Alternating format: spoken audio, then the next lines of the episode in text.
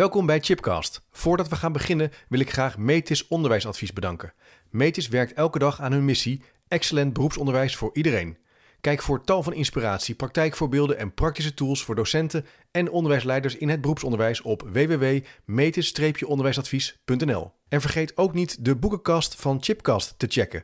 Op www.managementboek.nl/chipcast vind je alle boeken die in de podcastgesprekken voorbij komen.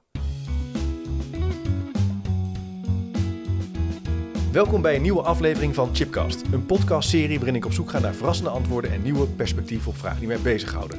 Leuk dat je luistert naar een nieuwe aflevering. En in deze podcast ga ik in gesprek over de hoofdvraag: hoe kunnen we onze moraal verbeteren? En over deze vraag ga ik in gesprek met Klaas Rosemond. Hij is auteur van het boek De beste filosofische ideeën om je moraal te verbeteren. Je houdt hem al omhoog. Superleuk dat je bent, eh, Klaas. Dankjewel, ik vind het ook heel leuk, ja. Chip. We gaan eens even kijken of we ja, de moraal wat kunnen uitpakken en kunnen nadenken over hoe we daar uh, aan kunnen werken. Ja. Um, voor degene die jou niet kennen, je bent uh, filosoof, uh, jurist. Je werkt als universitair hoofddocent strafrecht aan de Vrije Universiteit van Amsterdam. En je publiceerde eerder het standaardwerk Het Menselijk Kwaad over de vraag wat kwaad eigenlijk is. En daar maakten we uh, een podcast over, dat is aflevering 21. En later heb je een boek geschreven, Het Zelfgekozen Levenseinde, waarin je pleitte voor het recht om over je eigen levenseinde te beschikken. En daar hebben we ook over gesproken in aflevering 142. En samen met Jet Nijkamp en Co Woutsma publiceerde je eerder Het Aardse Leven. Dat gaat over de epicurische levensfilosofie. En daarvoor kwam het boek Filosofie voor de Zwijnen uit over het geluk van mens en dier. En zo heb ik jou ooit leren kennen tijdens een lezing in Amsterdam. Toen was ik volgens mij 24. Uh, dus leuk dat je bent, uh, Klaas. Een nieuw boek? Ja. Ja. Je schrijft, uh, je hebt een nou, tempo erin wil ik niet zeggen, maar er blijft wel vrij frequent een. ja, in de coronatijd heb ik wel veel geschreven, ja. Ja. Nou, het menselijke kwaad, dat verscheen in 2020. Ja. Uh, in de maand dat de uh, pandemie uitbrak. Uh, dus dat, dat heeft er wel toe geleid dat ik daar niet zoveel lezingen over heb gegeven. Bijvoorbeeld in bibliotheken ja. Ja. of op universiteiten. En, en dat, dat was dus af voordat de pandemie begon. En toen heb ik dat boek geschreven over het zelfgekozen levenseinde. En dit boek... Ja, dit boek was, laten we zeggen, vorig jaar november of zo klaar. Ja. Dus dat, maar dat ging wel snel, inderdaad. En in die, in die pandemie zit je dan een beetje thuis. En voor een schrijver is dat eigenlijk wel een hele ideale situatie. Dat Ja. je gewoon thuis kan zitten en een beetje schrijven. En um, ja, ik woon in Amsterdam en Amsterdam was rustig. En je kon een wandelingetje maken. En Ja. het vervelendst vond ik nog dat op een gegeven moment de cafés dichtgingen. En de boekhandels en de musea. Ja, ja, dat was ook nog zo. Oh ja, ik Dat heb allemaal ik- flashbacks terwijl je dat vertelt, ja. Dat vond ik echt het allervervelendst. Want En waarom dan? Nou ja, ik, ik ging dan, eh, laten we zeggen, een kopje koffie drinken bij eh, het cafeetje om de hoek en een krant lezen. En dat kon dan opeens niet meer. Ja. Of ik maak, maakte een wandelingetje naar de boekhandel en dan ging ik eh, boeken bekijken. En op, dat was op een gegeven moment ook afgelopen. Of Ja. even naar het museum. Ik woon eh, niet zo heel ver van het Museumplein af in Amsterdam. Dus dat, eh, dat is eh, voor mij wel een leuk uitje om even naar het Museumplein te lopen. Ja. Even het Stedelijk Museum in. Ja. Daar hou ik wel van. Of, of naar het Rijksmuseum. En, Ja, dat kon allemaal niet meer. en dat was op een gegeven moment echt helemaal afgelopen. Ja. Bioscopen dicht, dat is, vond ik ook wel vervelend. Theaters waar je niet meer naartoe kon. Dus het, eh, het eh, openbare leven lag op een gegeven moment helemaal stil. En nou, het voordeel daarvan is dat je dan rustig kunt schrijven. Ja, Dus eh, ja. het zelfgekozen levenseinde over euthanasie en hulp en zelfdoding. Ja, dat heb ik echt, dat is echt zo'n coronaboek. Maar dit eigenlijk ook wel een beetje, denk Hm. ik. Hm. Als je ervan uitgaat dat ik het van november 2021 tot november 2022 heb geschreven. Dat is, was volgens mij nog wel een beetje een tijd dat niet alles helemaal open was. Nee, nee, klopt volgens mij inderdaad. Langzaam Misschien- ging het wel weer open. Ja, misschien na, na, eh, na de zomer van 2021, twee- van de, na de vorige zomer. Toen ging het geloof ik Ja, weer zo'n beetje een beetje voorbij. Ja. Ja. Maar het is wel een spannende vraag. eh, de beste filosofische ideeën om je moraal te verbeteren. Eh, hoe ben je er nou opgekomen om het te gaan hebben over het idee van moraal en een goed leven leiden? Nou, het is eigenlijk deel 2 van een serie die, waarvan het menselijke kwaad deel 1 is. En het menselijke kwaad, dat gaat over de vraag, wat is nou het kwaad? En ehm, ja, mijn definitie was, eh, het kwaad is wel bewust morele regels overtreden. Dus een schurk of een boef, dat is iemand die iets doet waarvan hij weet dat het in strijd is met de moraal, Ja. maar hij doet het toch. En dan ben je in mijn ogen slecht. Ja. Of nou ja, ik weet niet of je kan zeggen dat iemand dan als persoon slecht is. Want misschien is hij weer heel goed voor zijn eh, zieke moeder en zijn eh, zwakke kindertjes. Ja. De dader, bijvoorbeeld een inbreker. Hè? Een inbreker die gaat s'nachts, die zoekt uit, zijn de mensen thuis hè, waar die gaat inbreken. En nou, als ze niet thuis zijn, dan breekt hij de deur open met een, met een breekijzer, steelt het huis leeg. Ja. Wetende dat dat immoreel is. Dat dat wordt afgekeurd door de samenleving. ja. en door, Gaat de grens over. ja, en, Ja. en een duidelijke morele grens. Hè. Gij zult niet stelen, dat is een hele fundamentele norm die ook in de Bijbel staat. Iedereen die onderschrijft dat wel. En dat, dat doet die, die, die inbreker ook. Die weet ook, ik doe iets wat niet mag. Ja. Ik handel in strijd met de moraal. Ook nog eens een keertje in strijd met het recht natuurlijk. Want een inbreker weet ook dat hij ehm, eh, een misdrijf pleegt, hè, diefstal. Dus als hij wordt aangehouden, dan moet hij voor de rechter verschijnen naar de gevangenis. Ja. Ja. Ja. Maar dat doet hij allemaal wel bewust. en, en je hebt natuurlijk veel inbrekers die, die al een crimineel verleden hebben. Dus dat zijn mensen die ja, heel wel bewust morele regels overtreden. En ook nog eens een keertje fundamentele regels. Hè. Je mag niet stelen. Dat is echt een fundamentele regel. Als, je als, als onze chipkast eh, is afgelopen en ik ga naar huis en jij mist je portemonnee... dan denk ik niet dat jij me nog eens een keertje gaat uitnodigen. Nee, zou- als je... Ja, dat is een dat- fundamentele regel. En, en als, nou zo, als, die, als, als, ik nou, als jij daarna zo berouw zou tonen... Ja, dus dan krijg je een, dan, je kan een heel moreel proces op Ja, gang brengen. Die begint met, ik overtreed wel bewust een morele regel Ja, en ik denk dat ik ermee wegkom. Jij Ja. zou je portemonnee wel niet missen, dat is natuurlijk al een fout van mij. En er zijn verder, het is een stomme misdaad, want ik ben de enige verdachte als jij Ja. zeker weet dat je je portemonnee had toen je hier binnenkwam en dat je hem niet meer had toen ik wegging. ja, En eh, jij spreekt me erop aan, ehm, misschien stuur je de politie op me af, die vindt bij mij thuis jouw portemonnee met eh, jouw pasjes erin. Misschien hebben we wel geld opgelopen. Nou ja, hè, wat doen mis- misdadigers met, eh, met een gestolen portemonnee? En dan, en dan ga je me erop aanspreken van, ja. luister, ik beschouw je als een, een goede kennis Ja. en eh, misschien wel een vriend. En, en, en, en we, we hebben hier eerder, ja, Ja. Wat, is hier, wat is hier gemist? Dat doe je toch niet met, je doet het in het algemeen niet, maar zeker niet ten opzichte van, van, van, van, van, van mij, vriend. Hè? Nou, en dan zit je dus met een moreel probleem. Ja. En dan moet, je inderdaad, moet ik inderdaad met een verklaring komen. Als ik die niet heb, dan is het eigenlijk afgelopen. En dan nodig je me waarschijnlijk niet meer uit voor een Nee, de vierde chipkast. En eh, überhaupt eh, ver- vermijd je mij eh, contact met mij. En als je, als je mij ziet, dan loop je waarschijnlijk een ommetje, geef je me geen hand en zo. Dus het heeft allemaal sociale consequenties Ja, ook, hè, ja, immoreel handelen. En als ik, dat, als, als ik een echte schurk ben, maakt dat mij ook niet uit. Nee. Want het ging me gewoon om die portemonnee en jij als persoon, dat interesseert me verder niet. Dus dat is echt slecht, echt immoreel. Ehm, maar als ik, als ik spijt heb, wat jij zegt dan, eh, berouw tonen, ik wil de eh, relatie herstellen, ja, dan moet ik met een verklaring komen. Ja. Van, ja, Chip, eh, ik stond eh 10.000 rood, ik dreigde mijn huis uitgezet te worden. ja. Gigantische druk. Eh, me- mevrouw, die, eh, mevrouw die moest naar het ziekenhuis en we hebben geen verzekering enzovoort enzovoorts.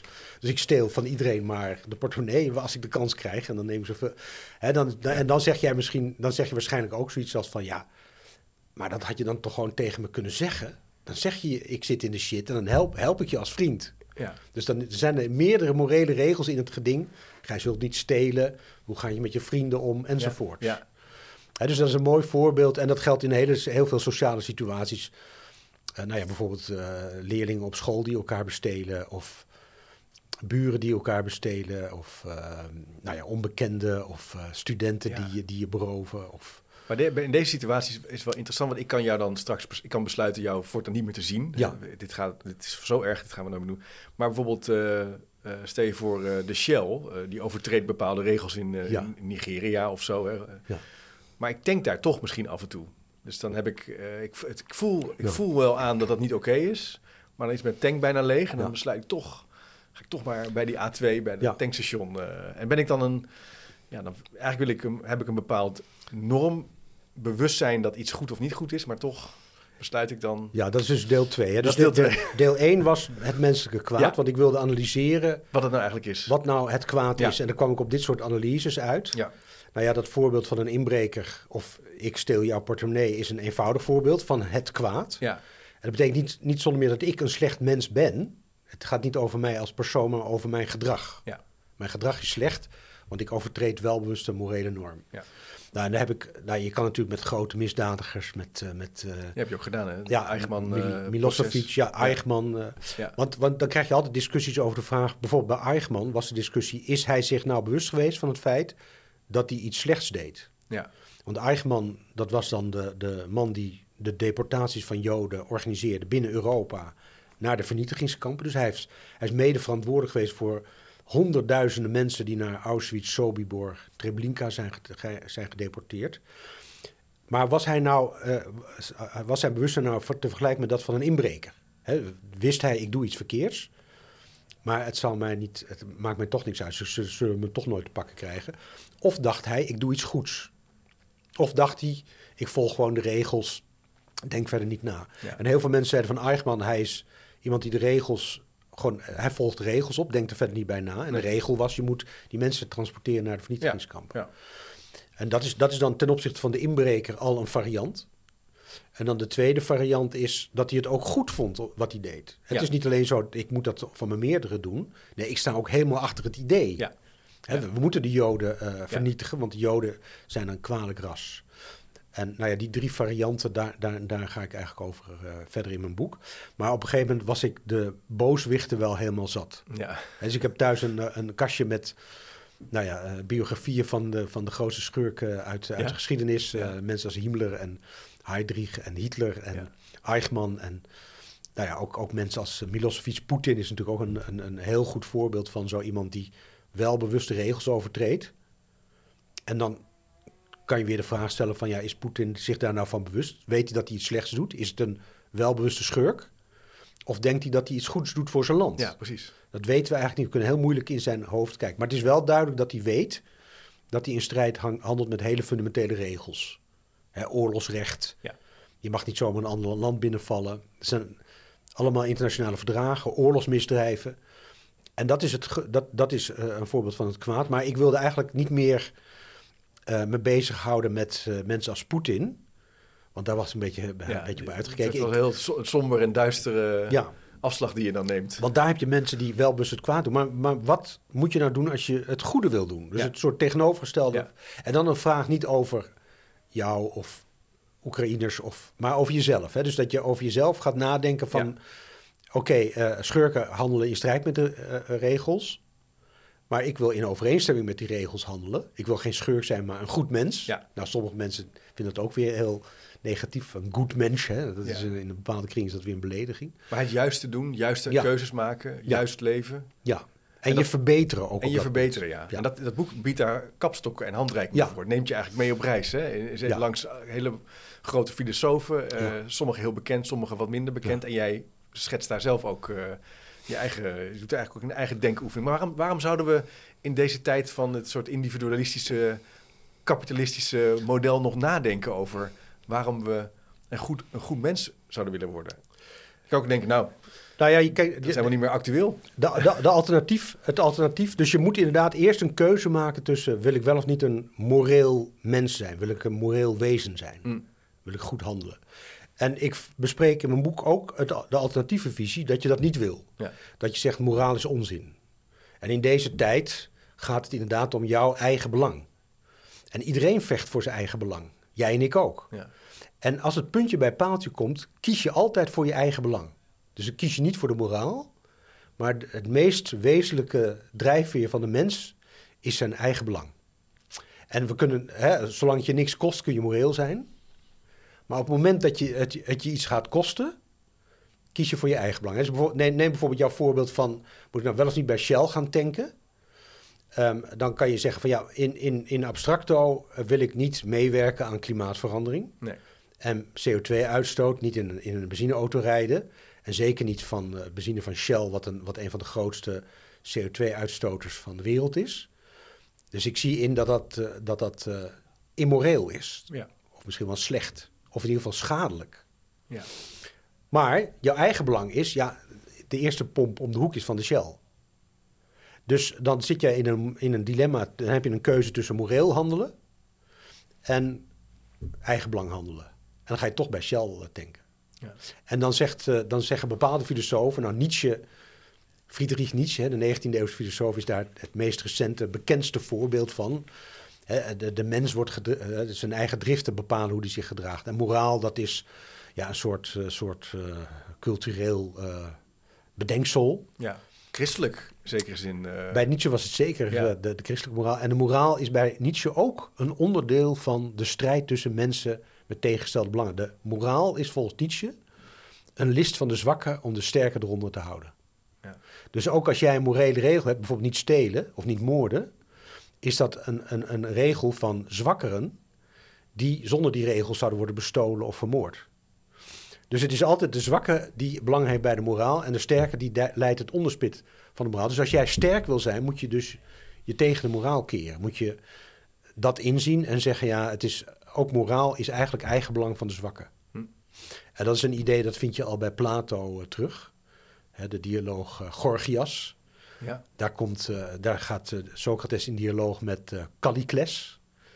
En Callicles is eigenlijk de oerbedenker van dat idee van moraal... is, is een bedenksel van, van zwakken, van, van kinderen, van filosofen. Maar in het echte leven gaat het om macht en strijd. Ja. Hè, verlies je of win je in de strijd? De wil tot macht. Ja, dat is Nietzsche. En dat is eigenlijk ook al Callicles. En die, Ja, ook al Callicles. ja, dus iedereen die, eh, die een mooie inleiding op eh, de wil tot macht wil eh, lezen. Ja, je kan natuurlijk boeken van Nietzsche gaan lezen. Voorbij goed en kwaad bijvoorbeeld. Ehm, maar je kan natuurlijk ook al Gorgias van Plato lezen. Helemaal niet zo'n dik boekje. En daar staat een prachtige reden in van Callicles. Die heel goed aan, aan Socrates uitlegt. Ja, Socrates, jij vertegenwoordigt de moraal. Jij vindt dat ik goed moet handelen. Maar dat is een, eh, dat is een bedenksel van jou en van, van, van, je, van de zwakke, van de filosoof, of kinderachtig. Ja, kleine kinderen en filosofen houden zich met moraal bezig, maar echte mensen die in het werkelijke maatschappelijk leven staan, die zijn voortdurend bezig met die machtsstrijd. En dan is het gewoon van win je of verlies je. Ga je ten onder of eh, kom, je, kom je boven te liggen. Ja. Er zit ook iets in van ondernemerschap. Je moet gewoon laten zien dat je de beste zijn, hard werken, pakken wat je pakken kan, Concurrenten uitschakelen. concurrenten uitschakelen, Ja, gewiekste het kapitalisme, hè, jij, jij, jij zegt we, le- we leven in Ja. een kapitalistische tijd. Maar de, de essentie van eh, het kapitalisme is ook strijd, hè, concurrentiestrijd. En ehm, ja, je hebt dus analyses van het, van het kapitalisme die zeggen... ja, je hebt, je hebt wel morele regels in het, binnen het kapitalisme waar je je aan moet houden. Maar ehm, eh, eh, die regels moeten zo minimaal mogelijk zijn... om de strijd zoveel mogelijk ruimte te geven. Ja, ja. De concurrentiestrijd. Ja. En dat moet, dat moet wel eerlijk zijn. Dus op een gegeven moment eh, kan je ook in het kapitalisme op morele dilemma's stuiten. Is dit nog wel eerlijk? Ja. Nou, je hebt met Shell heb je weer een voorbeeld dat ze eh, reclame maken en dan zeggen ze eh, klimaatneutraal tanken bij Shell of zo. Ja. En daar is een, net een proces over gevoerd en dat, he- dat heeft Shell verloren. Mhm. Want dat is niet eerlijk. Ge- Oneerlijke reclame. Ja. Dus dat is in het, in- interessant dat zo'n groot bedrijf de moraal gebruikt om zichzelf als, ja, in de markt te zetten. Van je kan bij ons klimaatneutraal eh, tanken. Dan denk jij, als je bij dat pompje om de hoek gaat Valt tanken... wel mee. Dit is een goed, dit is een goed, Ja, dit is een dit is wel goed. eh, maar dan word je dus bedrogen. Ja. Dan word je voor de gek gehouden. En alle, zij doen eigenlijk er alles aan in dat idee van Callicles om te overleven, om gewoon te pakken wat ze pakken kunnen. En dan Ja. is eigenlijk alles geoorloofd. Ja, dus eigenlijk is die Callicles ook niet eens heel slim, omdat hij heel openlijk verklaart dat hij zich niet aan de moraal wil houden. Maar het is veel slimmer om te zeggen: ik, ik ben een heel, ik, ik, wij propageren eerlijke onderneming, neutraal, klimaatneutraal ondernemen, terwijl je dat in werkelijkheid helemaal niet wil, maar gewoon zoveel mogelijk winst maken. Het is een marketingstrategie. Ja. Dus dat zijn eh, zo'n, zo'n, in zo'n afweging van wel of niet daar tanken, zit- tanken zit al een hele wereld. Ja, En, en dan terugkomend op het idee, waarom zou je nou eigenlijk, waarom zou je met die moraal je bezighouden? Uh, je kan het boek en Filosofie voor de Zwijnen zei in het begin staat, Ja. je kan het ook wegleggen. Je Ja. kan ook gewoon lekker in de zon gaan liggen Ja. En daarna gewoon een ijsje halen. En eh, nou ja, en Kan kijk- hier ook. Kan hier ook. Maar ja je toch kan, ze- moet je even dat hoofdstukje over, eh, over eh, Callicles eh, lezen. ja, Ehm, en als je dan zegt, ja, ik, ik ben het eens met die Callicles, dan kan je dit boek nog wel lezen als een, als een soort strategie die je zou kunnen gebruiken om je kwade motieven te verhullen. ja, ja, ja. Dus dan doe je net alsof je een moreel mens bent, net als Shell. Dus eh, Callicles, het kan nog slimmer dan Callicles. Dus de echte, slimme, de echte schurk doet zich voor als een moreel goed mens, Ja. wetende dat hij dat niet is, om zijn te- tegenstanders en vijanden Tja, te misleiden. Dus Callicles is eigenlijk niet eens zo heel slim. En Nietzsche, Nietzsche ook niet, omdat hij zijn kaart op tafel legt. ja. En, en een, en een echte schurk laat zich niet in zijn kaart Nee, kijken natuurlijk. die houdt eigenlijk geheim. Maar goed, als jij zo iemand bent, hè, luisteraar van deze podcast. Als je denkt, nou, ik wil, wil gewoon veel liever een schurk zijn. Dan hoef je mijn boek dus niet te lezen. Nee. Dan kun je zeggen, nou, ik- het, is inderdaad een, een keuze van wil je wel of niet een moreel mens zijn. Daar begint het mee. Als je zegt, dat wil ik niet. Ik wil geen... Ik wil, ik, Calicles, Nietzsche, eh, Poetin vind ik veel aantrekkelijker. Shell.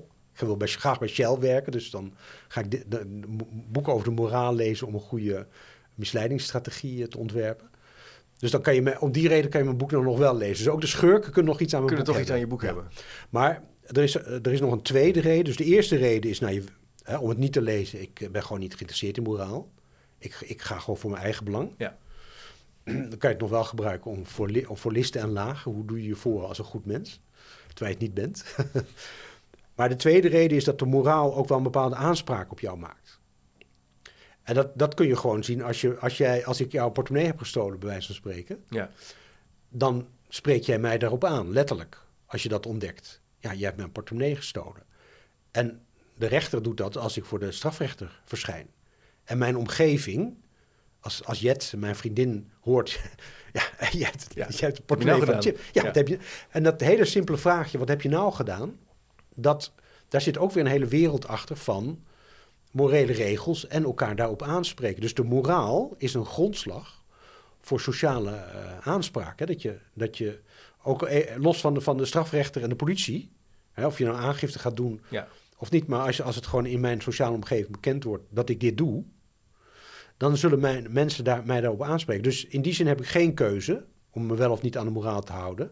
De moraal is een sociaal verschijnsel op basis waarvan mensen elkaar aanspreken. Het gebeurt toch wel. In interactie ben je, Ja. is er altijd een vorm van een sociaal verschijnsel. Dat is dan die moraal. Ja.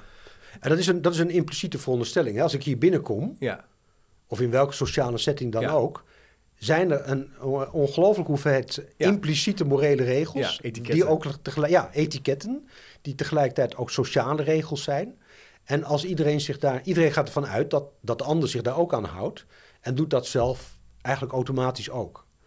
En er ontstaat pas een moreel probleem op het moment dat iemand de regel overtreedt. Ja. En dan ga je er elkaar op, op aanspreken. Van, luister, in deze setting geldt deze, deze regel. Weet je toch wel?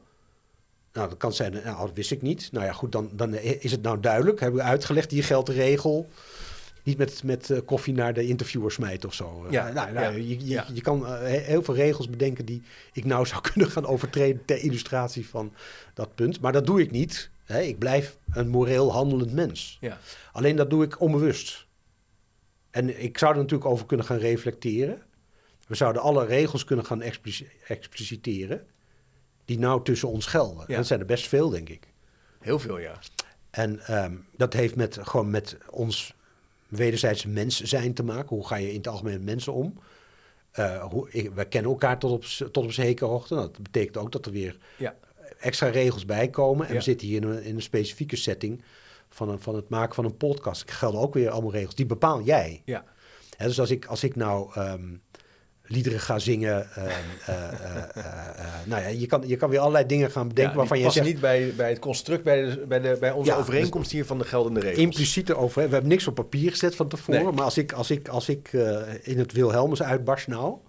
En, en jij zegt, ja, ja dat, ho, ho, dat, Ja. dat, laten we. En ik ga door. Dan op een gegeven moment grijp je in en dan zeg je: Dit is niet, ja, dit is echt niet de bedoeling van de podcast. Dat weet je toch ook wel, dat kan je echt niet maken. En, en dat kan natuurlijk, op een gegeven moment gooi je me eruit, Wilhelmus zingend, weet je wel. Dan word ik de deur uitgezet als ik er echt niet meer ophoud. En je, je denkt toch ook wel, er is, er is iets mis met hem. Ja. Maar je hebt natuurlijk ook mensen die zeggen, ja, maar dat zijn allemaal... Zit ik nu te denken van, het zijn conventies. Ja, Joh, dat, dat, dat, we moeten juist meer van dit soort dingen hebben. Je Ja. moet juist kunnen uitbarsten in zingen. Want Ja. dat, maar ja, mm, ook alweer een beetje ingewikkeld. Helemaal als het gaat over eh, hoe gedraag je in de klas bijvoorbeeld. Is Ja. het, dus als een kind op een gegeven moment alleen maar rondjes gaat rennen in de klas... bij de instructie over lezen... dan wordt het na een verloop van tijd wel wat ingewikkeld. Ja. Ja, je kan, je kan dus eh, conventies eh, ter discussie stellen of alternatieven voorstellen. Ja, Of je kan ze belachelijk maken. Je moet altijd aan Monty Python denken. ja, ja. ja. Ehm, eh, misschien ken je die scènes ook wel van die... Ze hebben ook interviewprogramma's? Nou, je hebt dat interview ehm, It's the Arts, hè? John Cleese die eh, een componist eh, interviewt. En die componist die, eh, die heet Arthur Jackson. Ken je die, ken je die sketch? dit- nou, moet je, moet je nog maar even- ik zal link- even een link in, linkje ja, linkje plaatsen. bij de podcast. En, en, en, maar hij heeft een bijnaam Two Sheds, twee schuurtjes. En eh, nou, hij heeft net een nieuwe symfonie gecomponeerd, die, eh, die eh, componist. En de interviewer die zegt, nou, zullen we het over uw... ehm, ehm, we gaan het zo meteen over uw symfonie hebben, maar waarom heet u eigenlijk Two Sheds? En zegt die componist, ja, ik, ik had ooit één schuurtje en ik dacht er een, een eentje bij te kopen. En sindsdien noemen mijn vrienden mij Two Sheds. En dan zegt die interviewer, en heeft hij, dan, heeft dan een tweede schuurtje gekocht? Nee, heb ik niet gedaan. Denkt u er nog over om een tweede schuurtje te kopen? Nee, dat... eh, dat eh. En op een gegeven moment wordt er ook een schuurtje geprojecteerd op de achtergrond. En op een gegeven moment wordt die componist eh, ge- ge- geïrriteerd van... kunnen we het nou niet hebben over, over, die- over die symfonie? Ehm, ehm, nou, oké, we gaan het over de symfonie hebben. Goed, ehm, ja, over uw laatste symfonie. Heeft u die gecomponeerd in de schuur? en, en dan wordt er dus een conventie Ja, ter discussie gesteld... ja, ja, van een interview zou over die symfonie gaan. Ja, En dat gaat de hele tijd over die schuur. ja. En dat, Dat ja, klopt gewoon helemaal niet. Nee, en dan moet je dus om lachen. Van Ja. het, de, de, de, de, de, conventies van het interview worden doorbroken door, door een eindeloze vragen over die schuur. Ja, dus en dat, dat, eh, dat, dat is dus... Ik vind, ik vind het grappig, maar ja, misschien andere mensen niet. Maar, maar dan zie je dat een het is conventie... heel ongemakkelijk en daardoor wordt Ja. het ook grappig. Het is raar. Ja, en die, die, die, die, die, die componist die wordt ook steeds geïrriteerder ja, en zo. Ja, ja, ja, ja, ja. God, dat is interessant. Maar, en, en, ehm, dus dat, zo wordt duidelijk wat moraal en etiketten zijn Ja. en hoe ze werken. En als je nou, dus dat, als je nou, hoe kan je nou aan de slag met die moraal? Waar moet je nou eigenlijk beginnen? Als je, ja, je, kan boek, hè, je leest het boek, maar wat is eigenlijk, is er een soort, eh, je hebt natuurlijk, heel veel filosofen hebben nagedacht over hoe leef je nou een goed leven. Ja. We hadden het even over Marcus Aurelius, Ja. over pijnzingen, een soort dagboeknotitie, waar, wat heel populair is vandaag de dag. Heel veel jongeren kijken daar, Stoa en de Stoic Philosopher op YouTube onder andere. Ja. Het idee van een soort innerlijke rust vinden in de, in de, in de wereldorde. Hè. De natuur heeft een bepaald ritme en daar moet je je toe conformeren. Net zoals als het regent. Moet je ook niet boos als het regent. Moet je ook niet boos worden als, er, als het verdriet je ten deel Ja. valt. Zodat. Dat is een manier. Maar waar, hoe, hoe kijk jij daarnaar? Waar, waar moeten we beginnen? Nou, we beginnen dus met die keuze. Wil je, wil je een beter mens worden of niet? Ja, hè? dat Cal- willen we. Calicles Ja. of Socrates. Ja. Dat is de oerkeuze, Dat van, de, van de moraal, zeg maar, van de ethiek. En dan zeg jij van... Nou, je kan natuurlijk voor Calicles kiezen. Nou, dan, dan, dan ga je je eigen belang gewoon naaien. Maar dan moet je wel nadenken over wat je eigen je- belang precies, is. Precies. Ja, want als we even dat Shell-voorbeeld weer erbij halen... Je, het is uiteindelijk ook in jouw eigen belang... dat het klimaat niet zodanig opwarmt... dat je hier in Nederland onder zes meter water staat. nee. Dus er zit ook, ook in, in eh, morele kwesties zit ook altijd wel een eigen belangpunt. Maar goed, je zegt ik wil een moreel persoon worden. Ja. Dus ik wil gewoon... eh, nou, dan moet je dus eerst nadenken, wat is moraal? Daar hadden we het al een beetje over. Nou, dat zijn de regels die tussen mensen gelden. Of de, de normen en waarden die dus tussen mensen gelden... om hun onderlinge eh, gedrag op elkaar af te stemmen. Hè, zodat wij een interview kunnen hebben... of dat je op een school les kunt geven. En allerlei voorbeelden kan je er van, van, van vinden. Ehm, dus de, de regels die onderling gedrag op elkaar afstemmen, zoiets dergelijks. Maar daar kan, daar kan je zelf over nadenken. Wat Ja. vind ik zelf nou? Ja. Hè, ik wil een beter mens worden. Wat versta ik dan onder moraal? Hoe vind ik dan die regels? Dan kan je over dit soort settingen gaan nadenken. Je zit in allerlei settings. Wij zitten in een bepaalde setting. Ja. We zouden onze morele, morele regels kunnen gaan expliciteren. En dan kunnen gaan zeggen van nou, misschien kunnen de bepaalde dingen toch nog wel beter. Ja. ja. Nou, ik vind dat de interviews bij jou altijd heel goed gaan, dus er valt helemaal niks aan. Maar dat is eigenlijk meer. eh, Oké, je- dan ga je het met elkaar hebben over hoe je eh, een beter gesprek kunt voeren. Of eh, hoe je beter kunt zorgen voor de, de natuur. Hoe we Ja. minder kunnen gaan tanken bij Shell. Of, eh, Ja. en dat kan je dan. Dat is een exercitie en dat, dat helpt je. Maar dan moet je eerst weten wat die moraal dan is. Ja. En dan moet je dus toch een soort reflectieproces op gang krijgen. Ja, ik denk dus dat het, ehm, eh, eh, het begint bij zelfreflectie, Ja. denk ik. Dus de tweede stap is eigenlijk dat, je, dat wij met elkaar in over, overleg gaan. Maar daaraan voorafgaand zou jij natuurlijk kunnen nadenken over de vraag... wat zijn de morele regels die gelden als ik mensen interview? Ja, En dan kan je, een, dan kan je ze proberen te expliciteren. En dan kan je zeggen, ja, misschien kunnen bepaalde dingen nog wel beter. Dus dan kan je voor jezelf al, voordat Ja. we met elkaar spreken... En als wij er dan over spreken, kun je ze expliciteren. Van dit zijn de regels. Eh, en je kan ook aan mij vragen van wil je van tevoren nadenken? Dus dan heb je iemand, anders zover gekregen dat hij gaat nadenken over de morele regels die tussen ons gelden. Maar ja, goed, eh, laten we zeggen dat je, dat je gewoon praktische regels hebt van hoe, heb je, hoe moet je je gedragen. Nou, jij, leg, jij legt altijd uit van het gaat zo en zo, dat interview en zo. Dus Ja. die praktische regels zijn Ja. eigenlijk geen probleem. Nee, En de morele regels ook niet. nee. Dus wij hebben eigenlijk onderling geen reden, Nee. reden om daarover te gaan. nee eh, kans is klein dat hier wat gaat gebeuren. Ja, als er iets misgaat, dan... dan eh, meestal is, eh, ontstaat een morele discussie over de vraag... er ontstaat een conflict. Ja. Of het botst of zo. Ja, Dus dan, moet je, dan moeten we gaan nadenken over onze relatie. Ehm, en dat geldt natuurlijk, ja, dat geldt in het algemeen in de samenleving. Ja, je ziet, je ziet in de samenleving heel veel conflicten. ja, En eh, in, bij al die conflicten zou je kunnen zeggen van ja, iedereen die bij dat conflict betrokken is, daar zou je aan kunnen vragen, ja, kan je. Ten eerste moeten die mensen dus de keuze maken, wel of niet moreel. En dan moeten ze eh, eh, de regels expliciteren, waarvan ze zelf vinden dat zijn de morele regels die hier gelden in deze Ja, situatie. En dan de volgende stap is dan, als je dat voor jezelf hebt gedaan, ga je daar in onderhandelingen met, met de andere, met de andere partij. ja, En neem bijvoorbeeld de, de stikstofcrisis. Dat vind ik wel een mooi voorbeeld. Omdat dat een voorbeeld is van een evident belangenconflict. ja, je, hebt, je hebt boeren die veroorzaken schade aan de natuur. Is de stelling van, van de, de overheid. ja, En die moeten dus hun gedrag veranderen. Want de schade aan de natuur, dat is ook schade aan de belangen van mensen die waarde hechten aan die natuur. Dus dat is een heel mooi voorbeeld van een moreel conflict. ja, En niet alleen een poli- politiek conflict. Nou ja, daar wordt in de politiek natuurlijk enorm over gediscussieerd. Maar die morele regels spelen dan op de achtergrond. Het is ook een juridisch conflict, hè, want het is allemaal begonnen met uitspraken van de Raad van State. Die heeft gezegd, je mag bepaalde vergunningen niet meer verlenen. Dus de recht, er is een juridisch eh, conflict geweest, wat de boeren verloren hebben in Nederland.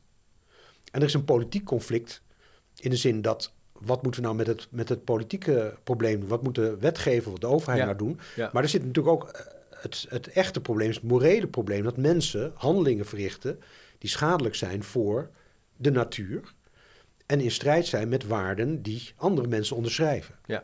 Dus dan heb je een, dan heb je een moreel probleem, Maar die, die, moreel die- conflict. uiteindelijk, als we het begin van het gesprek zeiden, ja, uiteindelijk zal, zal mijn eigen belang altijd voorgaan. Hè? Als ik me bedreigd voel of in een hele benarde situatie ga komen, dat voelen die boeren natuurlijk ook, denk ik. Die denken natuurlijk ook van, oh mijn hemel, daar gaat met het bedrijf wat ik net heb overgenomen van, mijn, van, van mijn vader of van mijn opa. Ik heb geïnvesteerd met de, met de banken samen. Ja. Eh, die metingen kloppen niet, denk ik. Ja. Eh, wat een idiote verhaal. Eh, ik hoor het voor het eerst. Alles bedacht om toch te overleven.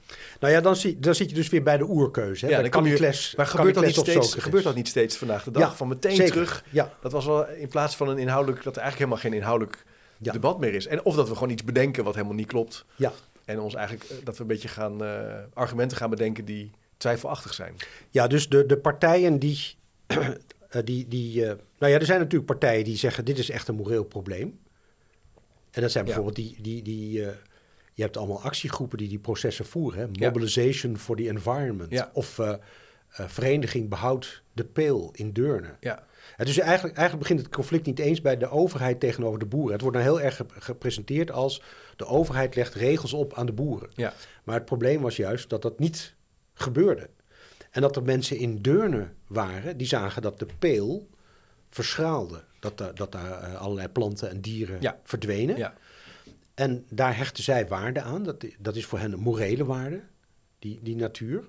En zij gingen dan procederen tegen een veebedrijf naast de peel, natuurgebied de peel. En ze zeiden, ja, dat veebedrijf dat stoot stikstof uit en dat vernietigt de peel. Dus het was een, echt een conflict tussen mensen die in Deurne wonen en waarde hechten aan de natuur. En mensen die in Deurne wonen en een veebedrijf hebben. Ja. En die mensen die, in vee, die van dat veebedrijf, die, dat zijn de, de Calliclessen ja. of de Nietzsches van deze tijd, die zeggen, ja, wij handelen uit eigen belang. ja. En wat Maar jullie- zeggen zij ook niet, sorry, maar die, zeggen, zeggen die boeren ook niet misschien wel van, eh, nee, maar dit, dat is helemaal niet zo. Wij, het is toch ook natuur? De boer, hè, dat, Ja. die kippen die zitten in een hok, maar ja, dat is hartstikke gezellig. En die varkens, eh, de stikstof valt, we voeren dat netjes af. Ja. Dat gebeurt ook, hè? Nou ja, het is voor een deel dus ook een feitelijke, een Ja, feitelijke het is ook een discussie. feitelijke discussie, ja. ja. Dus, eh, en ik denk dat bij ieder, bij de meeste morele conflicten ook altijd wel een feitelijk element speelt. ja. En als je het vanuit de moraal bekijkt, dan is er een morele verplichting om in overeenstemming met de feiten te handelen. Dus je hebt natuurlijk ook mensen die de feiten verhullen. Ja. Ik ben de Oekraïne helemaal niet in de gevallen, hè, zegt Poetin. Ja. Ja. Eh, nou ja, er zijn, of, of wij, wij, eh, de natuur eh, gaat helemaal niet achteruit door de Nee, stikstof dat precies, precies. Ehm, of het klimaat verandert helemaal niet door CO2-uitstoot van uh, veebedrijven. Of een ander argument plaatsen. Wij zorgen voor heel veel eten in Nederland. Ja. We, hebben, we zijn heel belangrijk. Ja. Dus dan is ook een andere argumentatiestrategie. Ja, en dat, dat kan je feitelijk onderzoeken. Ik was van de zomer in Ommen waar uh, bij de laatste verkiezingen 41,5% op de Boerenburgers stemde. Ja. 41,5%.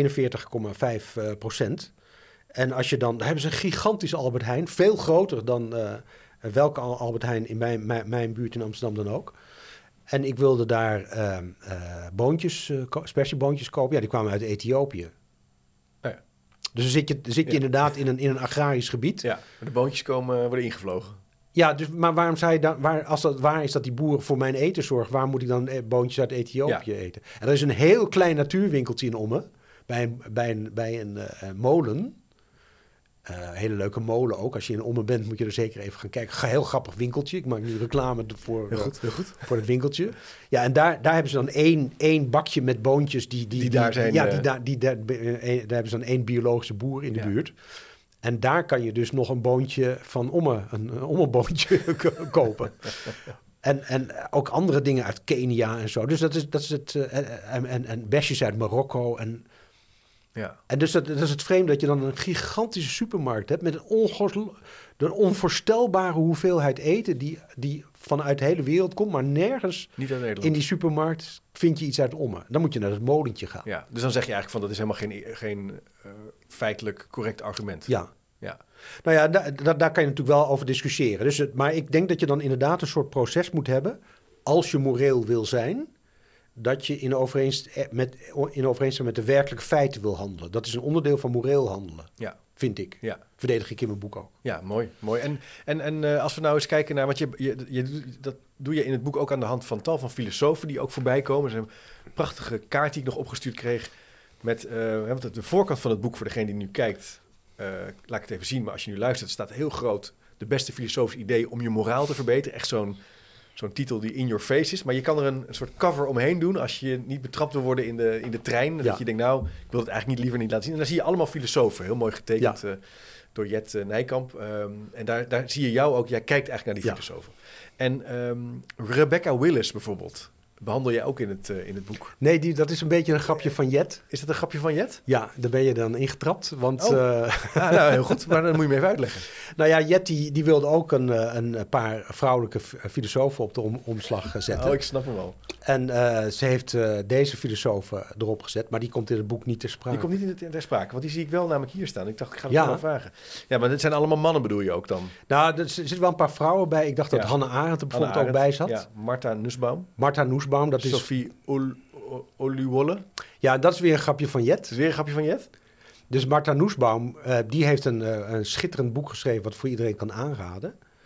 Uh, The Therapy of Desire. En dat behandelt de stoïcijnse, epicurische en sceptische ja. filosofieën. Ja. Om jezelf te verbeteren. De, the Therapy of Desire, de therapie van, van je begeerte...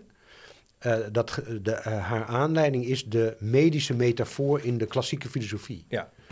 En ja, de medische metafoor is, we kunnen je beter maken. En um, de filosofen uit de klassieke oudheid, Aristoteles, um, Seneca, um, Epicurus, die gebruikten allemaal medische metaforen om hun eigen filosofie te begrijpen. Hè? Mijn filosofie is erop gericht om jou beter te maken. Ja. En dat had je ook naar de Stoïcijnse filosofie. Marcus Aurelius bijvoorbeeld en uh, Seneca en uh, Epictetus, dat soort filosofen. Die waren heel nadrukkelijk bezig met het verbeteren van hun leerlingen. Ja. Als het om uh, Epictetus en Seneca gaat. Maar ook het verbeteren van hun eigen gedrag. Dat is Marcus Aurelius is misschien het beste voorbeeld ervan. Ja. Want die heeft dus Stoïcijnse oefeningen geschreven. Maar dat was voor hemzelf. Ja. En hij heeft dat boek geschreven. En dat is na zijn, na zijn dood is dat uh, gevonden. En uh, dat, dat, moest je dan kopiëren in die tijd. Handgeschreven kopiëren. Dat de, hebben ze toen een hele tijd gedaan. Tot het kon worden gedrukt in de, in de ja. 15e eeuw. Ja. Maar Seneca heeft dat nooit geschreven voor anderen. Of uh, sorry, Marcus Aurelius. Marcus, nee, dat was een dagboek, hè? Ja, die heeft het echt puur Maar dat was een onderdeel van de, van, het, van de leer, dat je Ja. schreef. Dat je je notities, je overpeinzingen eigenlijk uitwerkte. Ja. En eh, een van de dingen die, die, ik daar, die mij dan bijblijft, bijvoorbeeld, uh, je moet ook denken over de tijdelijkheid van het leven. Hè? Je bent er straks niet meer. Ja. Uh, kijk maar, zo al die grote filosofisch allemaal tot stof overgaan. Dus maak het niet te ingewikkeld, spreek de waarheid. Hè? Ja. En, en, en probeer niet te veel grootheidswaan, grootheidswaanzin te ontwikkelen. Ja, dus het is een voortdurende. En dat is dus eigenlijk uh, wat ik dan de tweede stap zou willen noemen. De eerste stap is: wil je een moreel mens zijn? Wil je je verbeteren? En, nou, de tweede stap is: die begint bij jezelf. Dus kritische zelfevaluatie. En de Stoïcijnse filosofie is daar denk ik het eh, allerbeste voorbeeld van. En het boek van Marcus Aurelius is van die filosofie weer het beste voorbeeld van iemand die echt probeert om steeds zichzelf te evalueren en te kijken wat hij zelf verkeerd doet. Ja. En op welke punten die zichzelf kan, kan verbeteren. Ja, je noemde net ook de, de therapy of desire. Even ja. dat, wat, wat ze daar ook in wordt genoemd, het punt van het, het snappen dat je driften hebt. Hè? Dat, je, dat je dingen wil kopen, dat je dingen wil hebben en wil bezitten, maar dat dat niet leidt tot inzicht of geluk of een beter leven. Het moet je eigenlijk, uh, Spinoza had het ook al over passies. Hè? Ja. Dus, uh, dat is eigenlijk een heel terugkerend element. Dus je, zou je daarmee aansluiten? We moeten proberen te matigen? Nou ja, ik denk dat zeker. makkelijk? Nee, dat, ik denk dat dat, dat is een heel klassiek thema. Hè, dat, wat, wat in dat boek van uh, uh, Martha Nussbaum heel erg uitgebreid wordt besproken. Wat je ook al bij Plato vindt. Hè? Dus het idee, of bij Epicurus, het idee dat mensen bepaalde driften hebben die onmatig kunnen worden. Ja. Dus die, die expo exponentieel kunnen groeien. Ja. Op een zodanig manier dat je ze niet meer in je macht hebt. En bij Plato is dat heel individueel, maar ook heel politiek. Hè? De samenleving kan ook ontsporen. Dat vind je in de staat van Plato terug. En de staat van Plato die begint met een hele eenvoudige samenleving. Mensen die, die, die eenvoudige dingetjes eten, weinig behoefte hebben en gelukkig zijn. En dan, ons, dan worden er allerlei dingen geïntroduceerd. Handel, cultuur, de koks komen, doen hun intrede. Ja. En dan wordt het allemaal complex. En dan ontstaan er conflicten omdat er schaarste is als je veel meer behoefte hebt dan die oorspronkelijke weinige begeerte. Het wordt groter en groter. Eigenlijk, bedrijven willen alleen maar groeien omdat dat nou eenmaal moet. En dat die groei leidt, leidt eigenlijk niet tot een juist leven. Dat leidt tot gaat leiden tot immorele keuzes, tot liegen, tot bedriegen. En, en, dan komen we weer bij die. En uiteindelijk word je daar zelf het slachtoffer van. En dan word je, zegt, zegt Plato ook altijd. Je gaat er uiteindelijk. Dus het argument van, van Socrates tegen, tegen Callicles is uh, niet zozeer, um, ja, je brokkent anderen schade. Dat is het argument wat wij nou tegenwoordig als de grondslag van de moraal ja. zien. Hè? Je mag anderen geen schade berokkenen. En dat heb je ook bijvoorbeeld in het boeddhisme. Dat is een hele fundamentele regel in het boeddhisme. Anderen, alle, je mag geen enkel leven nee. wees, levend wezen schade berokkenen. Nee. Maar bij Plato is het uh, uh, excessief gedrag, onmatig gedrag, brokkent jou zelf schade. En dan heb je in Gorgias, ja, iedereen moet het uh, lezen, een, een, van de mooiste boeken erover. Zeker. Ja. Dan heb je het voorbeeld van de vogel die eet en poept tegelijk. En dat is dus een, of de lekkende kruik. Hè? Dus de ja. vogel die eet en het meteen weer uitscheidt, die moet blijven eten. Ja. Terwijl als je, als je uh, laat zeggen, een normaal uh, verteringsproces hebt, dan eet je iets en dan kan je daarmee stoppen. Maar als je je begeerten oneindig zijn, Stop door dat poepen, poepen, moet je dus de hele tijd bezig zijn met, met eten. Of als je uh, een lekkende kruik met water wil vullen, moet je de hele tijd die kruik ja. bijvullen, want hij lekt. Ja. Maar je moet dus op de een of andere manier moet je je begeerte moet je, moet je in, in de perken houden. Anders ga je zelf ten onder. Dus bij Plato altijd. Het is een constante worsteling met ons, hoe we misschien wel biologisch gewired zijn. In zekere zin dat we altijd meer willen, groter willen. Nou, bij Plato is het dus. Bij en Plato, dat we moeten beheersen. Bij Plato is het dus niet zo dat wij zo biologisch gedetermineerd zijn, maar dat wij uh, cultureel gedetermineerd worden. Nee, Oké, okay, tuurlijk. Maar kijk, die Plato had nog geen ECG-scans. En, en, nu weten we toch ook wel weer biologisch zien dat we allerlei. Er gebeuren allerlei dingen in ons lichaam. Die, ja, maar ik denk dat, ik, denk, ja, goed, ik denk dat er nog steeds wel iets in zit dat als ja, je, als je gaat kijken wel, naar. Als je gaat kijken naar. Nou, dat zou ook een interessante oefening zijn ter verbetering van, je, van jezelf. Maar misschien wel in je, in, in je eigen belang. Gewoon ga je, ga je begeertenis inventariseren. Wat heb je nou nodig? Ja. En dan valt er misschien heel veel af wat je eigenlijk gewoon helemaal niet nodig hebt voor nee. je eigen geluk. Ja. En dat, maar dat is dan ook weer een klassieke. Uh, maar dat is heel interessant. Ik heb daar zelf mee geëxperimenteerd met het uh, stoppen van uh, bijvoorbeeld koffie drinken onderweg of zo. Ja, ja. of lunch halen ergens. Uh, op een gegeven moment dacht ik, god, dat is eigenlijk weer ingeslopen. In, want ik ben in mijn werk altijd wel veel onderweg. En dan ga je, ja, dan haal ik even daar een broodje. En, ja. en als je dat optelt, dan schrik je, schrik je best wel van. Dat is gewoon heel veel geld. Niet Ja. dat ik nou uh, tegen geld uitgeven ben, maar dan ben ik mee gestopt. Maar dat maakt best wel aanzienlijk uit. Ja. Dan kan je, ja, en dat geeft weer meer rust. en meer zekerheid. Ja, ik heb... Dus ik, op tal van aspecten kan je natuurlijk hiermee oefenen. Ja, ik had tijdens, tijdens de, tijdens de corona-pandemie had, ik, had ik de neiging om heel veel via internet te kopen. Ja. Dus ik heb toen heel veel blouses gekocht die nog steeds in, in, in het eh, plastic dingetje zitten.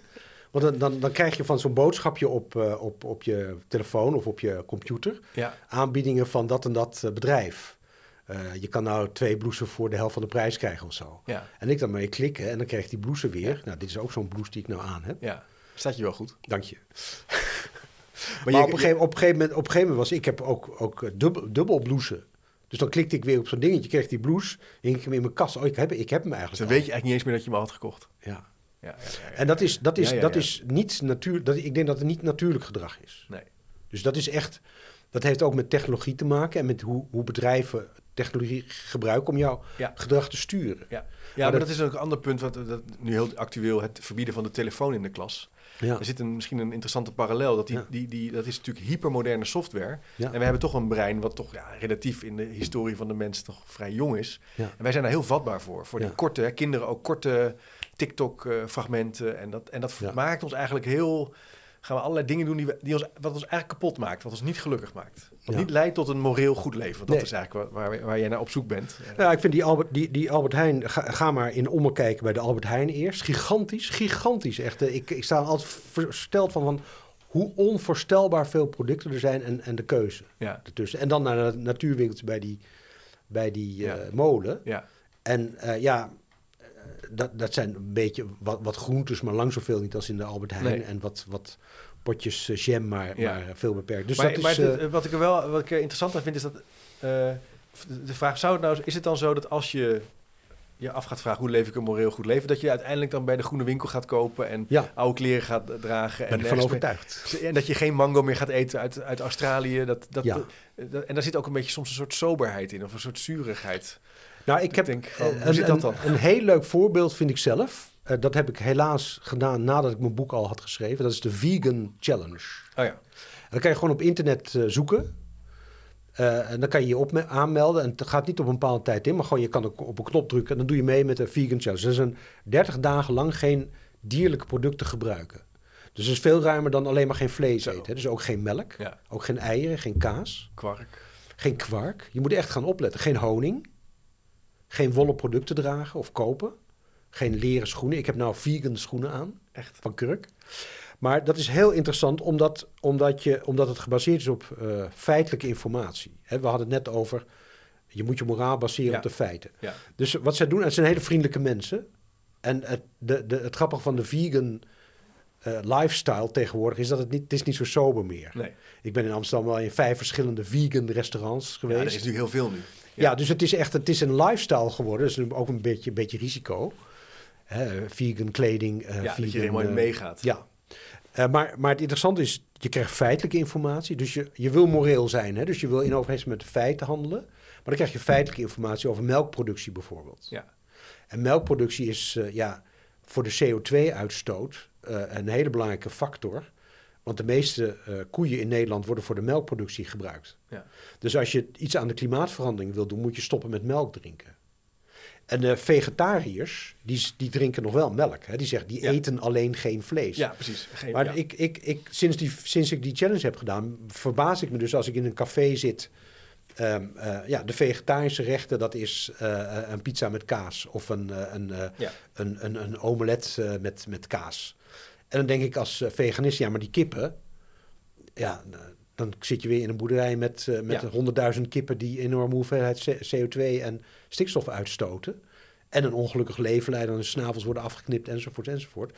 Dus het grappige van die vegan challenge is dat je hele simpele feitelijke informatie krijgt, ook over wolproductie. Maar, dit, en, maar dat is allemaal ge- gaat allemaal terug op het idee... je moet handel in overeenstemming met de feiten. Ja.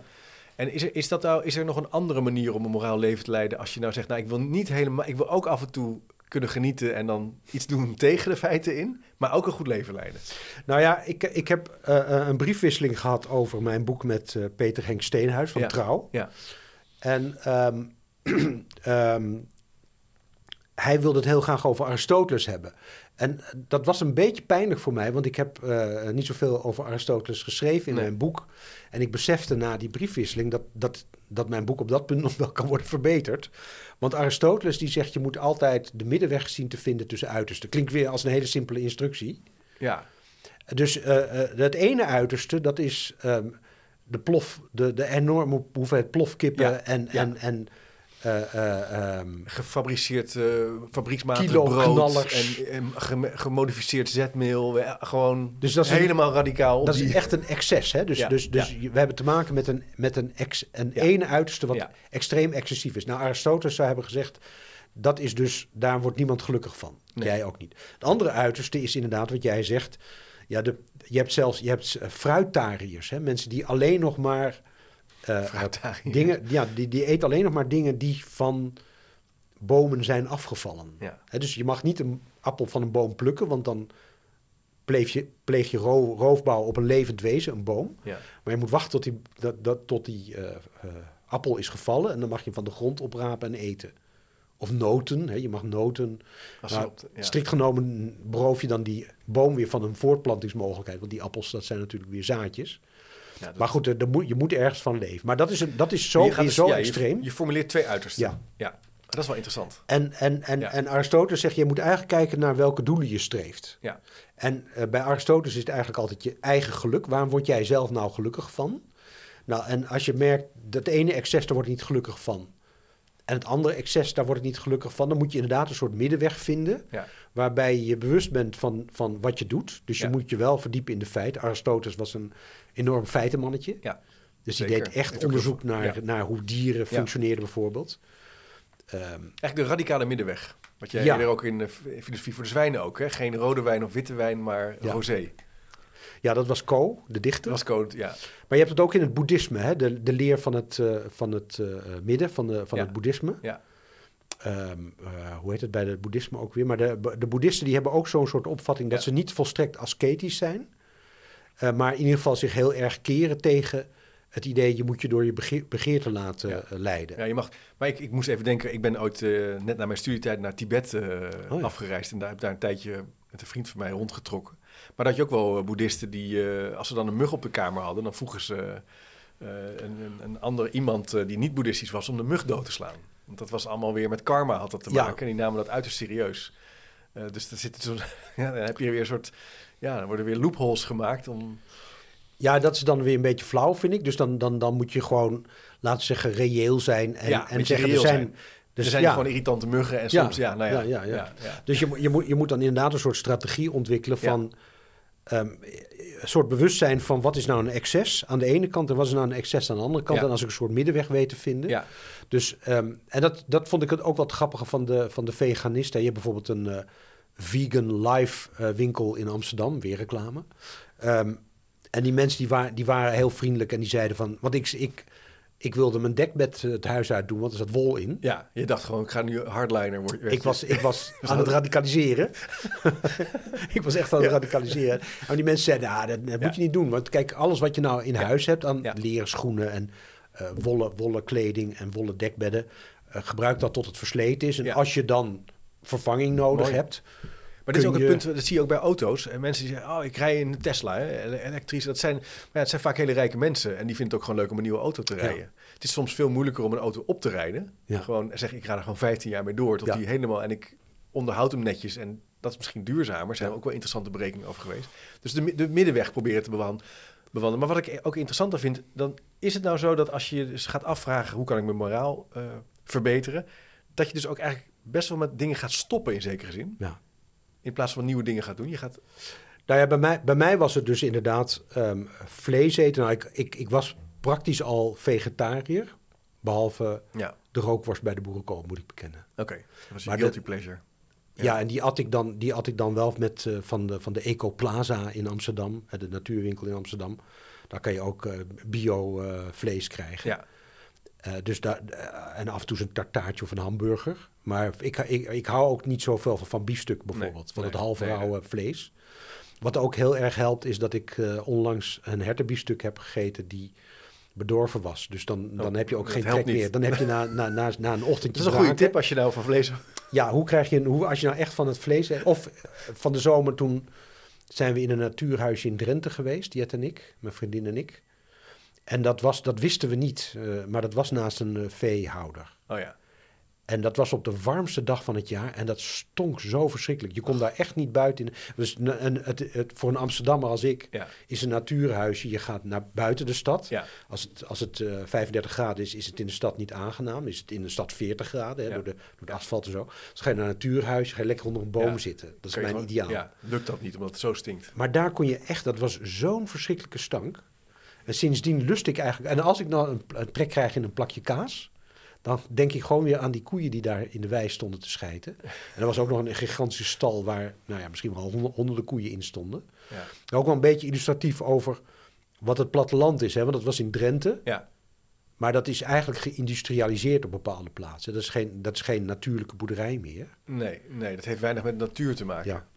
Dus dat is ook, heeft ook weer met die feiten te maken en ook wel weer met ervaringen. Hè? Dus Ja. als je er gewoon eens gaat kijken en het eh, ondergaat. Dus dat, daardoor had ik eigenlijk ook geen, geen, geen vlees meer. En de kaas, die, die heb ik toen de deur uitgedaan. Nou, ik, Ja. ik, eh, eh, sinds, de, sinds ik de Vegan Challenge heb gedaan, in, eh, dat was februari, ongeveer februari zeg maar, Ja. ehm, eet ik eigenlijk geen vlees meer, geen kaas meer, geen eieren meer, geen melk meer. Wat heb je nog meer? Geen honing meer. Kan je Ehm, geen enkele vorm van honing meer eten? Dat zou ik wel jammer vinden. Nee, en dan kan je agavestroop eh, Oh ja, dat nemen. Dat maakt, maakt niet zoveel uit. Nee, nee. Oké, oké. Ik heb Maar- nog wel een potje honing staan. En dat, volgens de leer van de Moet je dat vegans, ja, kan je er wel op na- Ja, maken. Je kan ook gewoon oude honing van andere mensen Ja, allemaal potjes honing van... eh, vragen. Doe mee aan de Ja, Vegan Challenge en geef mij je, geef potje mij je honing. Maar, ehm, eh, maar het enige... eh, Dus ik, Aristoteles in gedachten houdend... Als ik bijvoorbeeld in een café zit en ik bestel iets te eten... nou, ik heb, ik heb twee keer een stukje zalm gegeten. Ja, precies. En Mag ik nog eens een andere, andere vraag stellen over... toch even doordenken op dat punt van stoppen... en even, even het, het goede leven en het moraal koppelen aan... eh, nou, bijvoorbeeld eh, minder vlees eten... gezond leven, je verantwoordelijkheid nemen voor de natuur...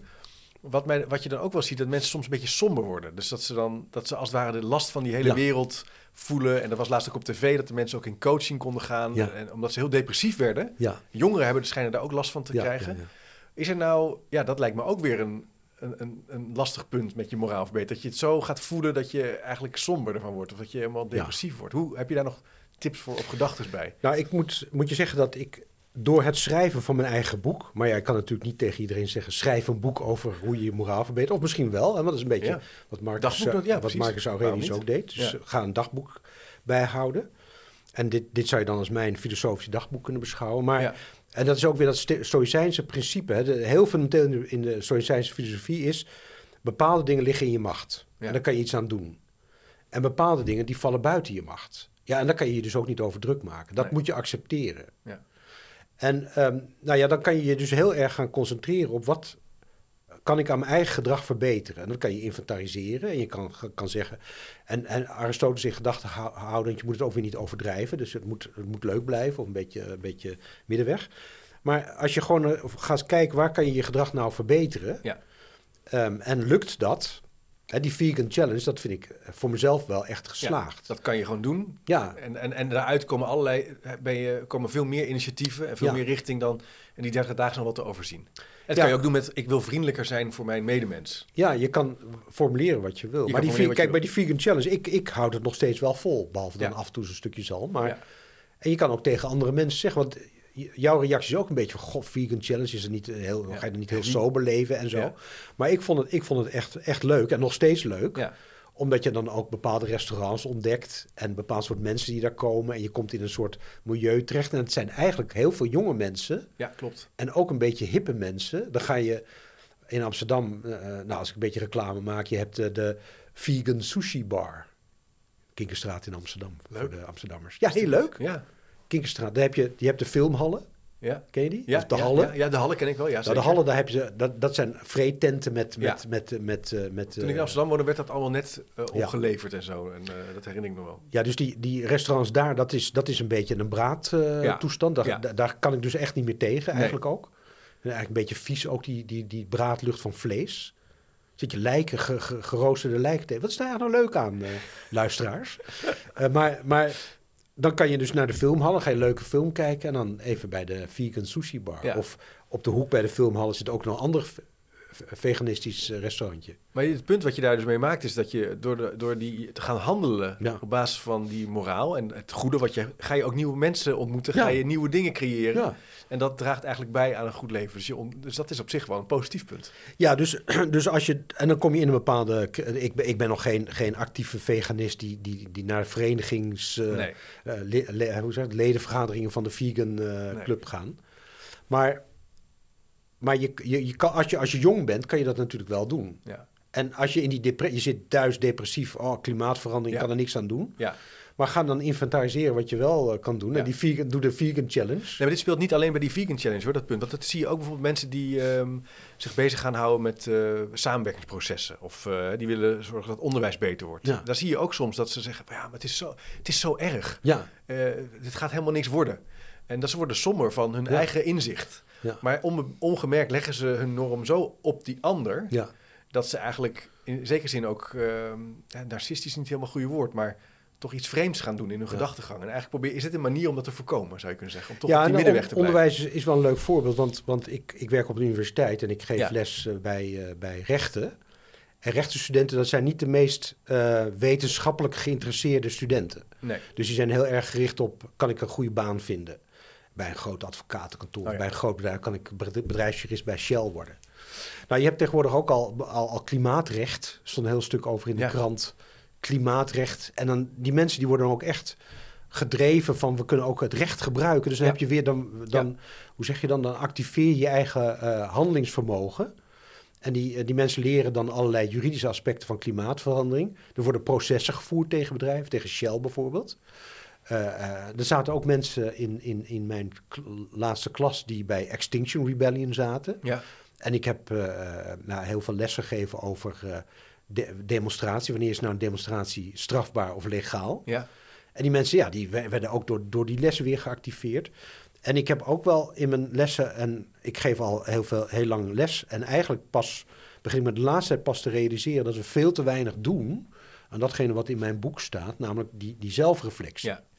Dus ik, ik had nou voor het eerst afgelopen jaar, nou ik, ik werk al sinds 1990 aan de, aan de VU, maar ik had nou voor het eerst bij een vak dat ik de eerste les begon met, ja, er zijn bepaalde leerdoelen. Je wil bij de, bij de opleiding, de masteropleiding, eh, wil je bepaalde leerdoelen. En daar staat kritisch denken in. Ja. Dus dat Ja. staat gewoon, als je de Ja. de examenreglementen bijpakt, Ja. staat er kritisch denken in. Dus ik heb gevraagd van, ja, wat, wat zijn jullie eigen doelen nou? En hoe sluit het aan bij die leerdoelen?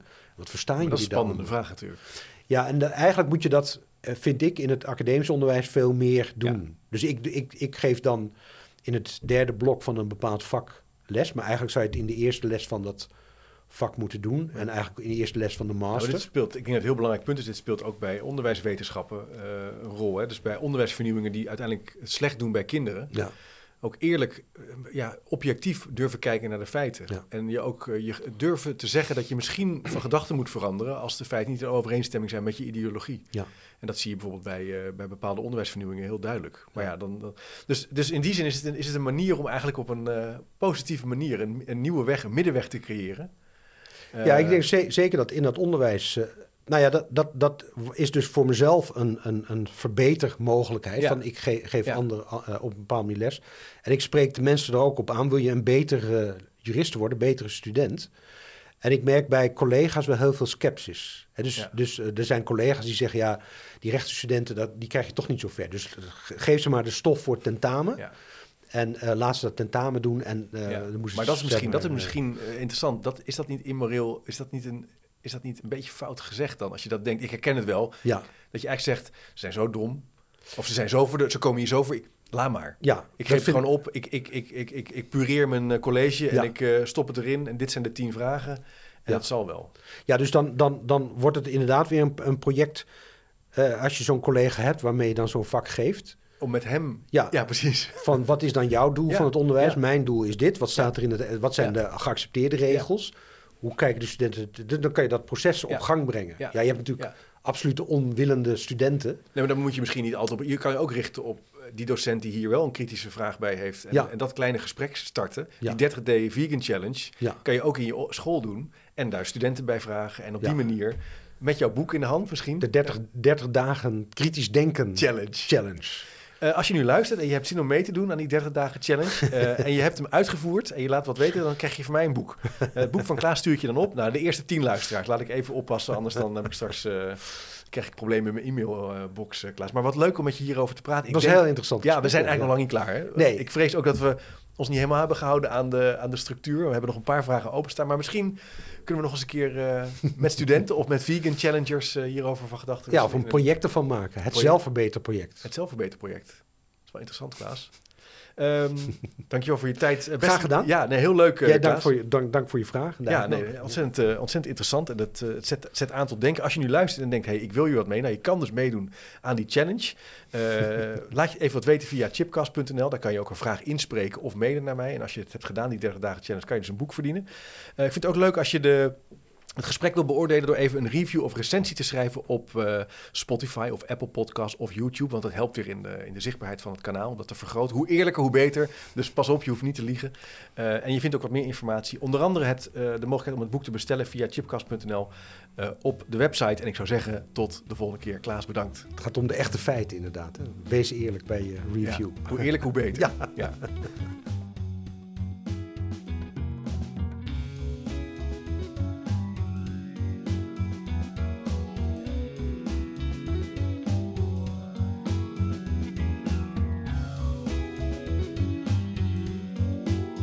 Nieuwsgierig naar meer?